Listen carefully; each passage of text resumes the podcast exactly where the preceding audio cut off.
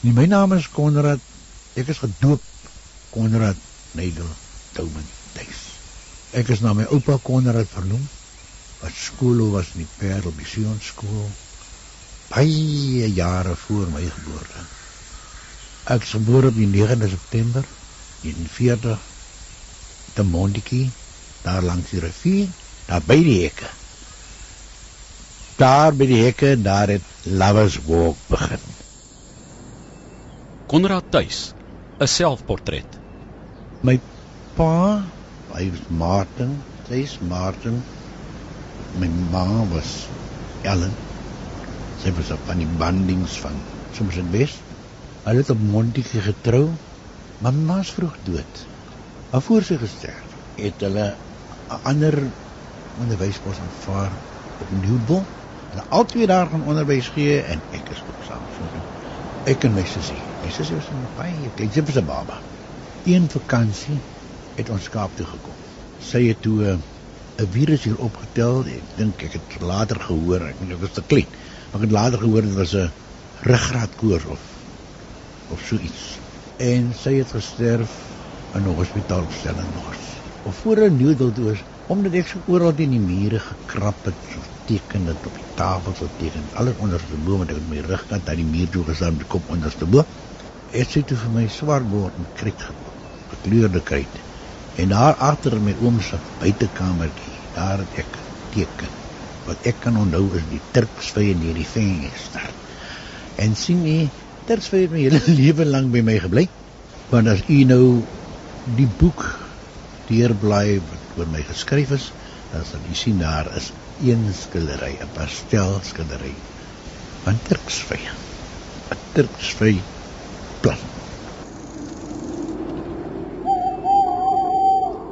Na my ma se dood het my pa sien nie in storting gehad en hy was nie eens by my ma se begrafnis nie. Ek wonder ooit of hy geweet het waar my ma begrawe was, want hulle het die dinge vir hom toegehou. En die dokters het later gesê hy moet maar weer gaan skool, hy moet op die platteland gaan skool, en dat hy weer kan regkom.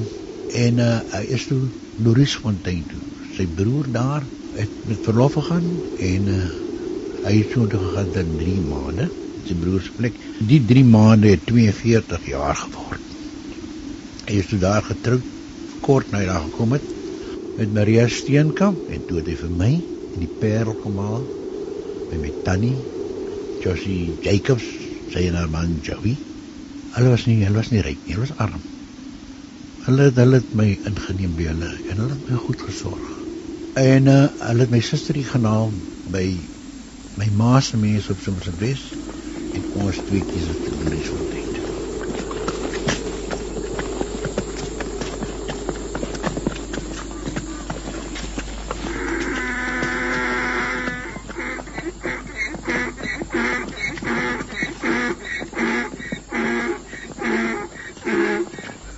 toe ek die eerste keer weer ervaar groter kind as toe ek op lewe was die wêreld my heeltemal ingesluk en ek het 'n liefde ontwikkel vir daai wêreld wat nooit weggegaan het ek het die wonderlikste mense daar ontmoet harde mense.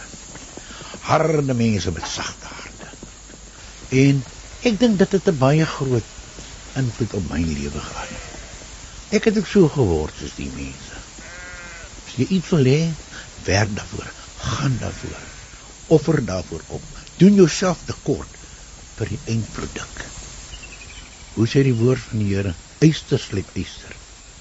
Louriesfontein is 'n dorpie in daardie jare wat vas aan my gegroei het. Of ek het aan Louriesfontein vas gegroei. Daai mense het baie vinnig gedink en op hulle voete gedink. Ek dink byvoorbeeld aan jy was eienaar van die slaghuis en die dominee was nou al jare daar by die gemeente. En die dominee kom die oggend by die slag en hy sê: "Goeiemôre oom, hoe gaan dit?" Die oom sê: "Nee, dit gaan goed." Maar dominee kom seker weer kollek vir die groot bazaar. "Ja," sê dominee. "O, oom weet ons. Ek moet mos nou by julle omkom." Maar oom, oom was daar nog baie lank laas in die kerk. "Ja," sê Maar dominee was ook baie lank laas by die slaghuis. Toe sê die predikant vir hom: Oom, jy sien ek woon mos nou hier in 'n gemeente van skaapboere. Ek kry mos my vleis vars van die plaas af. Maar wat is oom te verkondig? Oom woon dan woon, so dit is langs die kerk. Maar oom kom nie dienste nie. Toe sê hy so ewen droog. Maar dominee sien omdat ek mos my preek vars oor die draad was. Ek het hom Lurie Fontein gekom aan die einde van die 47. En toe se weer 1954 dan einde 1954 toe se ek weer daar weg per hoërskool. So ek was eintlik jy kan sê van 1954 tot 1962 was ek nou maar so 'n kuiergas by die huis. Maar my hart het altyd maar met 'n punt getrek Loris Fontein toe. Want jy het altyd van gepraat, as die man hy praat, dan praat jy van die huis. En as jy een van jou maats raakloop wat ook van die plek af kom, dan praat jy van ons is mos homeboys. Ek het my altyd na selfs maar 'n landsburger genoem of 'n het nooit reg aan 'n dorp behoort nie. Die plek waar ek natuurlik die langste woon, wat ek nou myself beskou. Ek beskou myself as 'n Belbelie. Ek woon nou 45 jaar in Belbel. Belbel het nou gehad vorm as kunstenaar die laaste jare. Maar die eintlike vormingsjare vir my kuns was op Dorisfontein. Daar nie skare my van die kogelboom met die veld bekyk. Ek het baie in die veld rondgeloop en baie mense gepraat van die kind wat so alleen in die veld loop. Die slange kan hom spik. Maar dit was my goddelike oomblikke. Jy weet ons het baie godsdienstig groot geword. Jy het die Here in alles gesien. Maar wat my die meeste getref het, wat altyd by my gebly het, is die kokerboom. Hy het later 'n simbool geword, 'n simbool van oorlewing. Ek het myself later in die kokerboom gesien. En soos die kokerboom volhard het, so het ek besluit sal ek volhard. Ek sal streef na dat wat ek wil bereik. Al kos dit wat. Ek dink nie daar toe ek na Kaap toe gekom het met my eerste klomp skilderytjies. Nogal geraam en alles. Almal onder die arm, maar dit was nog op plank of haarbord skilder. Nee, so net, die mense sê. Nou het ek nou die bus gevat op Loeriesfontein en die trein op klaar, want ek het oor Kaap gekom. Ek het by die galerije geloop, baie van die galerije wou nou nie eens na my werk kyk nie. Baie en dan gesien dat traai ging. En so maar het nie regtig belang En ek kon ook een keer terug gegaan, Loeriesfontein toe, by die vakansie toe genoem weer moet 'n leerstel leerstellings skryf by die galerye. En soos ek terug die kom skilderye onder my arm. En my ma, my stiefma praat met my en hoe het gegaan? Ek het op die stoep geklim met pa. Sy is so lank stoep gehad met 'n veranda. En uh, ek gooi die skilderye dat geskei oor hy stoep. Die rame slaan stikkend teen die muurtjie. En ek sê vir my, "So het gegaan." baie moedeloos.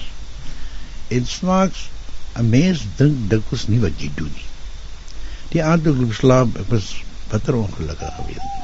Dan lê aan die aand het ek met die Here gepraat om my waarheid sê ek met hom getwis. Ek het met die Here getwis en hom gesê maar kyk jy dit is ons nou wat mans land. Hoekom hierdie talent vir my gegee? Hulle het dit so maklik ek sukkel dan nou so en ek dink nie ek teken te sleg nie. Vandag besef ek natuurlik hy goed dat so sleg gewees het jy. Dat dat ek wil vandag nie aan raak nie, verstaan? Maar nou ek het myself gesê nie goed. Is mos dit lyk mos mooi, is mos goed. Hoe die mense nie notisie van my vat. Hoekom wil hulle nie die goed? In die aand toe raak in die slaap so met die teleurstelling en na die gebed. Weet jy ek het 'n droom gehad. So mense moet nie dink dat die Here jou nie kan dadelik antwoord nie. Hy doen dit soms net. En ek raak in die slaap. En die môre in die voordag het ek 'n droom gehad. Ek droom ek lees vir die mense uit die Bybel aan ons ou klein kerksaaltjie wat destyds daar was. En een van die oomies sê vir my: "My broertjie, jy weet ons ons kan nie Engels verstaan nie. Lees maar vir ons Afrikaans." En iemand gee my Afrikaanse Bybel aan, maar wat ek gelees het kon ek nie onthou toe Baggerskerkie. Maar ek het onthou waar ek gelees het. En ek gryp die Bybel voor my bed onder die tafel. Die tafel het so 'n ekstra blad gehad albei.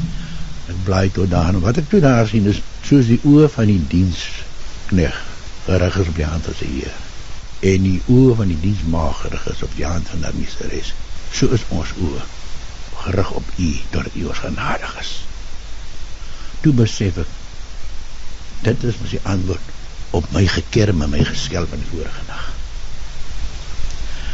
Ek het nooit weer omgekyk nie. Daai dag het ek besef alles sal regkom. Ek moet net geduldig wees. Vertrou, glo en hard werk. En dit het ek gedoen. En die Here het my nie teleurgestel nie.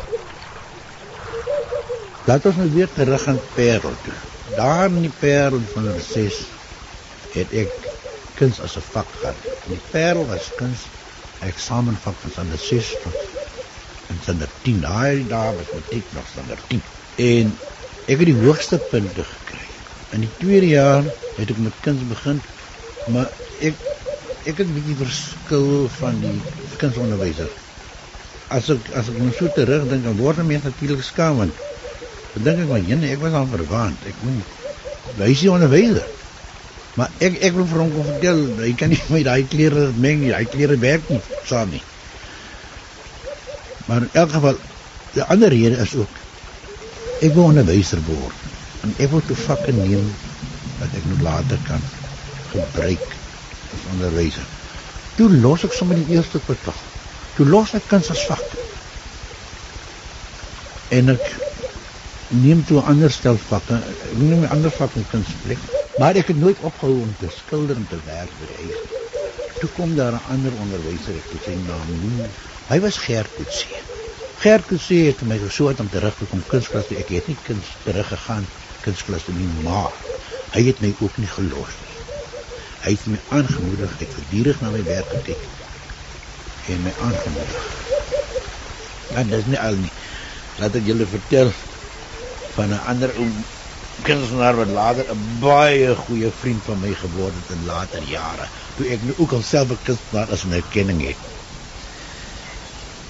Kom ek in die skool uit op Reenda, dan sê die man met daar sy paadjie onder 'n sombreel in die winter met 'n bome skiller sonder blare, eikeboom. Wit huise met wit mure. Julle sal seker weet waarvan ek praat die mense wat nou kuns ken en kuns liefhet. Ek praat van David Botha. Die kunstenaar David Botha. Hy het ook nou vir ons verlaat en baie daar verlang ek om te mis hom. Later jare was hy een van my beste vriende, die een wat my altyd uh gebel het, met my gesels het, my genooi het. Maar dan ek al die agter hom gekom staan so te kyk en kyk wat hy doen. En dan het die betuiselaar verskriklik opgeleen geraak aan my weg. Ja. En dan het ek uh, het ek pad geen oor oorkant van die pad gaan staan. As hy hom kom kry of laat ek liewer sê as ek myself kom kry dan staan ek maar weer hier agter David Botha se rug dan ek. Later jare toe ons almal groot is, ouer begin word. Toe gaan ek eendag na David toe. Vra vir hom of hy die insident Hy sê my, was er aan jy?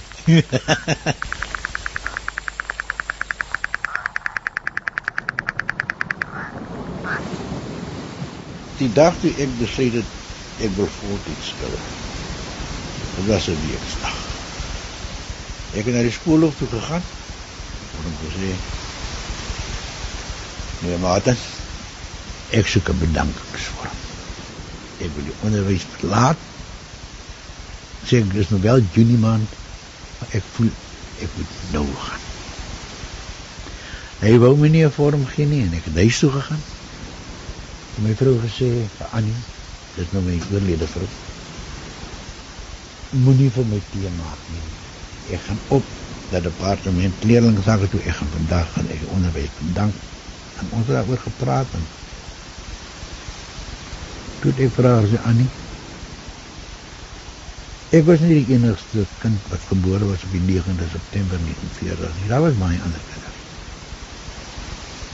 Maar die Here wat talente uitdeel, Hy het my uitgewys. Toe het maar gesê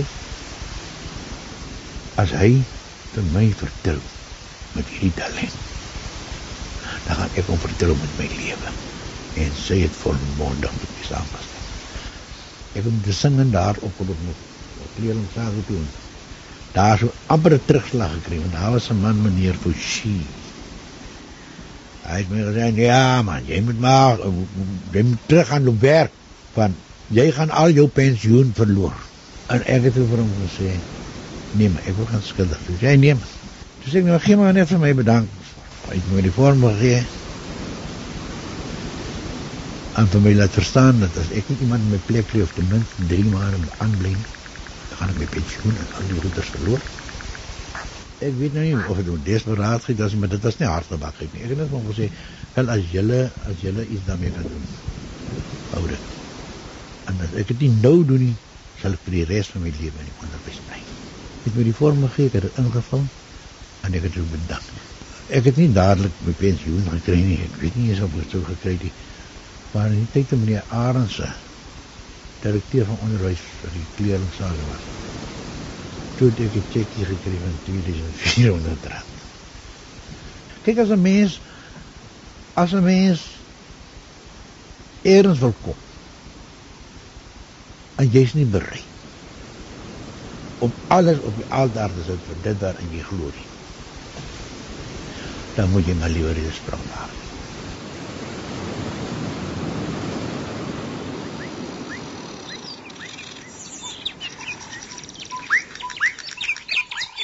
Ek was natuurlik baie gelukkig geweest om 'n leerling te word van die bekende kunstenaar Greg Babonzaya. Ek het na Greg toe gaan. Ek sou aanvanklik vir 10 lesse gegaan. Die 10 lesse het 2 jaar gekort. En ons het saamgewerk. Ek en Greg het saamgewerk. Ek en hy en Rosines ons het hier dit sukses kom skilder en so. En op 'n dag toe besef ek te sê vir maar Greg, ek dink ek kom nou nie meer nie want ek het agtergekom jy weet daar was so sterk leerling leermeester verhouding dat sekere van die eienskappe van hom en ook sy gedagtes en nie net met die kuns nie maar ook sy manier van doen in die lewe ehm um, het my baie beïnvloed en jy weet ek is ook van die mense wat glo jy is 'n uh, 'n oorspronklike gebore moenie 'n kopie sterf nie.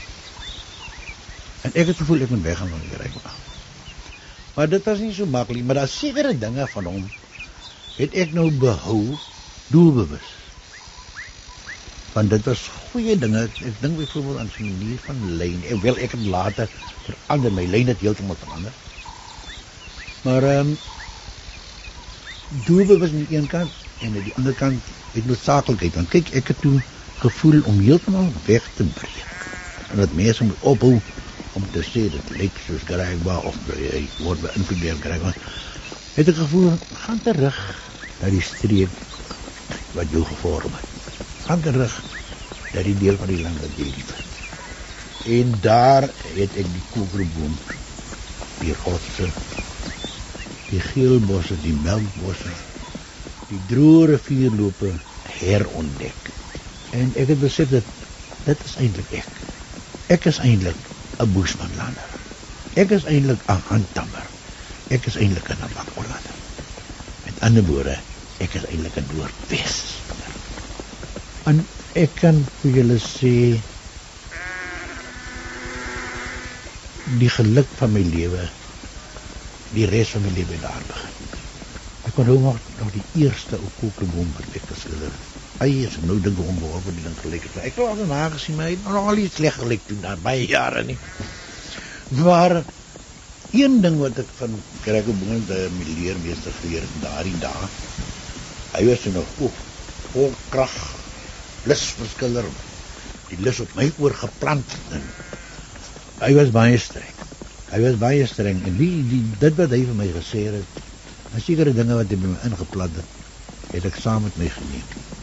Soos byvoorbeeld 'n skildery wat jy nie met hom tevrede is nie, hy moenie jou huis verlaat nie. Dis die een ding. Die ander ding is dat as jy 'n probleem ervaar en jy kan 'n ding op die skildery nie oplos nie. Sit hom een kant, jy kan weer na kyk. Nou dit het ek ook nog gedoen met 'n skildery van my. Maar ek het hom nie een kant gesit nie. Ek het hom daar agter in die agterplaas het gooi daar die sand geleë en toe die huis is toe pas gebou wat ek nou in woon en toe het ek van die sand nou weggereel dat dit meer gelyk is rondom die huis met 'n krywe. Nou ja, die krywe het in die sand ingesak. En toe het ek nou maar so planke gepak hier van die voordeur op agter die huis om. Maar toe is daar nog so klein oefstukkie ons gaan oorgaan na sak ek krywe nog al die tussen die planke in. En toe het ek so rond gekyk en sien wat daar lê was 'n ding en dis toe nou die skildery wys op 'n hardbord geskilder. En ek het die skildery gevat en tussen die twee gesit want ek sou tog nie weer aan die ding werk jy is. Toe ry ek nou lekker oor die skildery oor die plank en so ek my agterplaas gelyk gemaak. En lank daarna 'n paar jaar daarna toe leer die skildery nog al die jare nog. Wat dan? Aan die agterplaas. Daar was 'n kraan ook gewees met van spoel die ding af en wie moet my aan so oor moet sien. Maar die ding kan mos klaar gemaak word. Want ek het op 'n plek gekom, daai tyd waar daar 'n probleem was. Nou Greg wat my geleer, los 'n probleem op. Moenie sy stap nie. Of moenie iets anders daar wil sit omdat jy nie die probleem kan oplos nie en toe kies skildery vat die jare se ondervinding van skilder toe. Kyk, ek het dus nou van ek hom gemaak het, het daar klompie jare verloop voor ek nou weer na hom vat het en aandagtig daarna gekyk. En onmiddellik sien ek dit is die probleem en dit is die oplossing. Ek het hom met Joos gevat. Die skilderytjie voltooi. En dit het vir 'n hele paar duisend rand verkoop. Die skildery was 'n skildery wat ek in die platteland het. Nou ek het later jare ook agtergekom jy doen 'n jy doen 'n skildery in die platteland, dan kom voltooi jy hier in jou studio in die Kaap en soms kan jy hom nie voltooi nie. Want iets is net weg. Nou moet jy hom los wanneer jy weer platteland gaan, dan vat jy hom nou maar saam. Dan kyk jy nou maar weer en op die manier uh verseker jy dat jy ordentlike werk kwaliteit werk liewe. Kyk eens na my uh, nuwe vrou kan by julle vertel. Sy was verbaas geweest toe sy twee pragtige skilderye daar by hy sien. Albei is voltooi. En ek het eendag voor hulle loop staan. Hulle het toe bietjie weer gekyk. En dit die palet mes gevat. En tot haar onsselfde is al twee afgekrap. Want soos ek gesê het, Dit gaan nie om wat jy daar uit kan kry nie. Dit gaan om wat jy daar kan sit.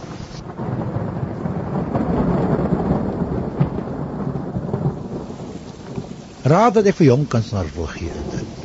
Wanneer jy na die resensies van julle werk kyk en jy voel nie tevrede nie. Moenie vir die resensent kwaad wees nie.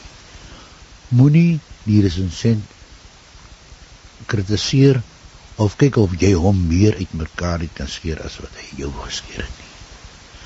Kyk na wat hy vir jou sê. Want self in die slegste kritiek as daar soms iets goed wat vir jou help vorm. Dit het met my gebeur.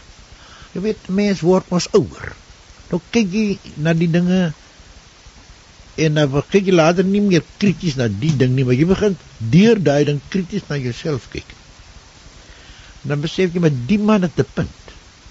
En so kan jy jouself bou. Maar die kunspolitiek is maar is maar nie 'n lekker veld om in te trap hier is 'n mynveld. En as jy die kuns ken of kunsbewegings ken of weet wat aan die gang is nie, dan moet jy maar hierdie kunspolitiek bly. Ek was gelukkig in die sin dat ek uh, vir 7 of 8 jaar was ek die koördineerder en hoofbeoordelaar van die Prestige Absa atelier kompetisie. Ek het dit baie geniet, maar kyk 'n mens moet jy moet weet waarna jy kyk. En om dit te doen moet jy baie lees oor kuns. Luister na mense, omring jouself met met kundige mense oor die onderwerpe en gesels met hulle. Maar wat my baie beïndruk is is of dit nou goed was of dit sleg was. Hierdie ouetjies het gedurig probeer om grense te versit. Dan loop jy maar die ou vriende na wat jy dink jy het nagekom, ek het dit gedoen. Maar dan sê man, ek het dit dit en dit en dit gesê. Maar jammer man, ek spyt, ek dink ek was verkeerd. En weet jy, dit is verbasend hoe daai mense na jou kyk en jou verstaan en vir jou sê ja, maar weet jy wat? In daai tydvak was dit nie verkeerd nie. En vir die eerste keer hoor jy my hier is ook 'n man wat teruggekyk het. Hier is ook 'n man wat gesien het wat jy daai tyd gedoen het was tog reg. Uh ten spyte van die feit dat jy nou met terugkyk na dieselfde onderwerp voel dit was verkeerd. Met ander woorde jy het rolle geruil. Nou dit is nou maar die kunspolitiek en die grootste probleem met mense in die kuns agterkom is afguns tussen kunstenaars. Dis vir my so lelik. Ek het altyd gesê en ek sê dit nou nog, maar ek het baie gesê, daar's baie mense wat vir my gelyk sal gee want hulle weet ek het dit gesê. Ek het gesê al verdra jy 'n kunstenaar voor jou oë nie. Maar jy kyk na sy werk en jy sien hy het 'n goeie werk en hy het kwaliteit gelewer. Stoot sy kuns voor hom. Terwille van die kuns en terwille van die land en die gemeenskap aan wie daardie kuns dit eintlik op die ou het sal word.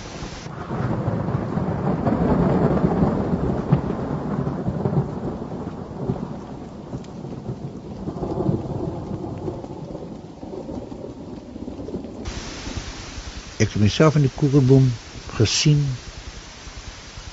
en ek het die kokerboom en ook daai atmosfeer van daai wêreld baas geraak.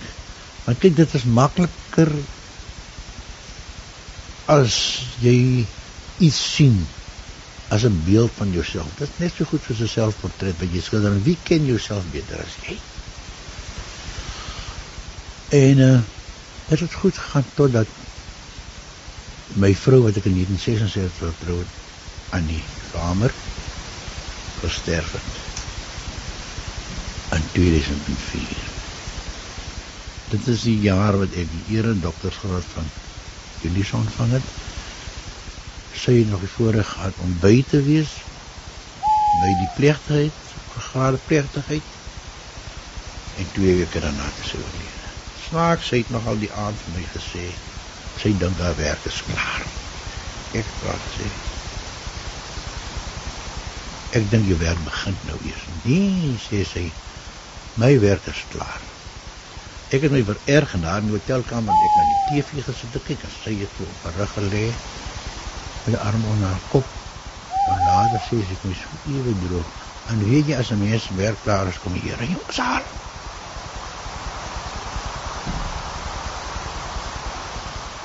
Ek het eers later besef dat sy geweet het sy haar werk is klaar maar tyd is om alhoewel sy nie eintlik siek was nie. Die Here was so goed vir my gewees. Na 'n paar jaar het ek weer 'n vrou ontmoet wat my lewe met my kom deel het. Dit is weer weer met die naam van Elisabeth. Maar die tyd tussen Andy en Elisabeth was my baie moeilike tyd. So jy dat 'n ou is mos soekend man. Kyk hier, kyk daar nie probeer skilder en jy kan nie. En uh die lewe lyk dit gedurig op. Ja, dit skare my oor. Jy uh, maak foute wat jy nooit sou gemaak het nou dat jy eensaam is. Maar toe die vrou nou my lewe kom, dit hele lewe verander. Dis weer op die son begin skyn. En ek het weer lus gekry vir skilder en daarna het dinge gebeur. Daar is toe 'n boek oor my geskryf.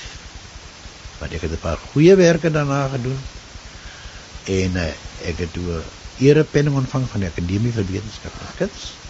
En ek is so bly dat ek toe weer iemand het om dit ook met my te deel. Soos enige jong kunstenaar begin jy mos nou maar by die realisme. Maar wat my die meeste getref het was die Franse impressioniste. Ek het na hulle werke gekyk. Ek was veral beïndruk deur die werk van Renoir, maar ook van Cézanne, omdat Cézanne het hom nie heeltemal laat bind deur die impressionisme nie. Hy het die impressionisme gebruik, maar hy het soms dit afgewyk om die effekte te kry wat hy wou hê. Die invloed wat hulle op my gehad het, het ek ook hier in Suid-Afrika gesien. Ek het byvoorbeeld na die vroeë werke van Wenning gekyk, na die werke van Stradcaldicott. En ek het gesien hoe mense soos Gregor Boonzaaier en uh Rose Ines aan hulle voetspore gevolg het. Ek was baie beïndruk deur hulle en professor Pierre Volsking en professor Matthys Bokkers. Hy laas genoem was destyds die uh, kurator van die nasionale kunsmuseum. Hulle het 'n baie groot aandeel gehad in die feit dat Gregor Boonzaaier my gevat het as 'n leerling. Hulle het ek dink sy arm baie seer gedry. Nou nadat ek 'n tyd by Gregor gewerk het, het ek ook saam met Rosinus en Gregor so saamgewerk het, het ek agtergekom dat wat hulle doen is ook maar net 'n voortsetting van die impressioniste wat voor hulle was. Met ander woorde, ek dink 'n mens kan moet reg praat van myself en David Botha as die derde geslag Kaapse impressionisme. Nou die Kaapse impressionisme verskil van die impressioniste van Frankryk. Hulle het 'n ander siening gehad. Hulle het anders na die wêreld gekyk. Maar ons hier was baie deur hulle beïnvloed veral die los manier van werk en ook die gebruik van lyns af en toe. Die skrywer professor Alexander Duffy noem daar waar hy skryf oor die impressionisme dat die individualiteit van Konrad Thys het hom effens op 'n ander vlak geplaas of effens weggeplaas van die oorspronklike impressioniste. En ek dink die rede was maar net dit, die impressioniste van Frankryk was mense wat in 'n land gewoon het waar baie groen was. En ook hier in die Kaap, die Kaapse groene. Kyk, Wenning het selfs hier in die Kaap groen geskilder wat Europese groen was alhoewel dit nie groen hier was nie. Maar ek het in 'n ander deel van die wêreld groot geword. Waar jy groen gebruik het omdat hy jou onmiddellik getref het want dit is 'n klein stukkie groen tussen die verhaal ek voel baie klaar so gelukkig as mense vir my sê Konrad, weet jy, ek het nou al so lank daai skildery of daai skildery of daai groep skilderye van jou in my huis en weet jy hoe 'n rustige atmosfeer jou werk in my huis bring. En dan voel ek ek het iets bereik. En dan voel ek tevrede. En dan kyk ek terug met 'n glimlag op my lewe. En En ek kyk vorentoe en ek stel vir myself die vraag: "Nou maar waar jy hier vandaan? Wat kan ek nou nog doen om 'n bydrae te lewer tot die vrede en die geluk, die rustigheid en die kalmte van mense?" Konrad Tuis, 'n selfportret, is saamgestel deur Johan Rademan.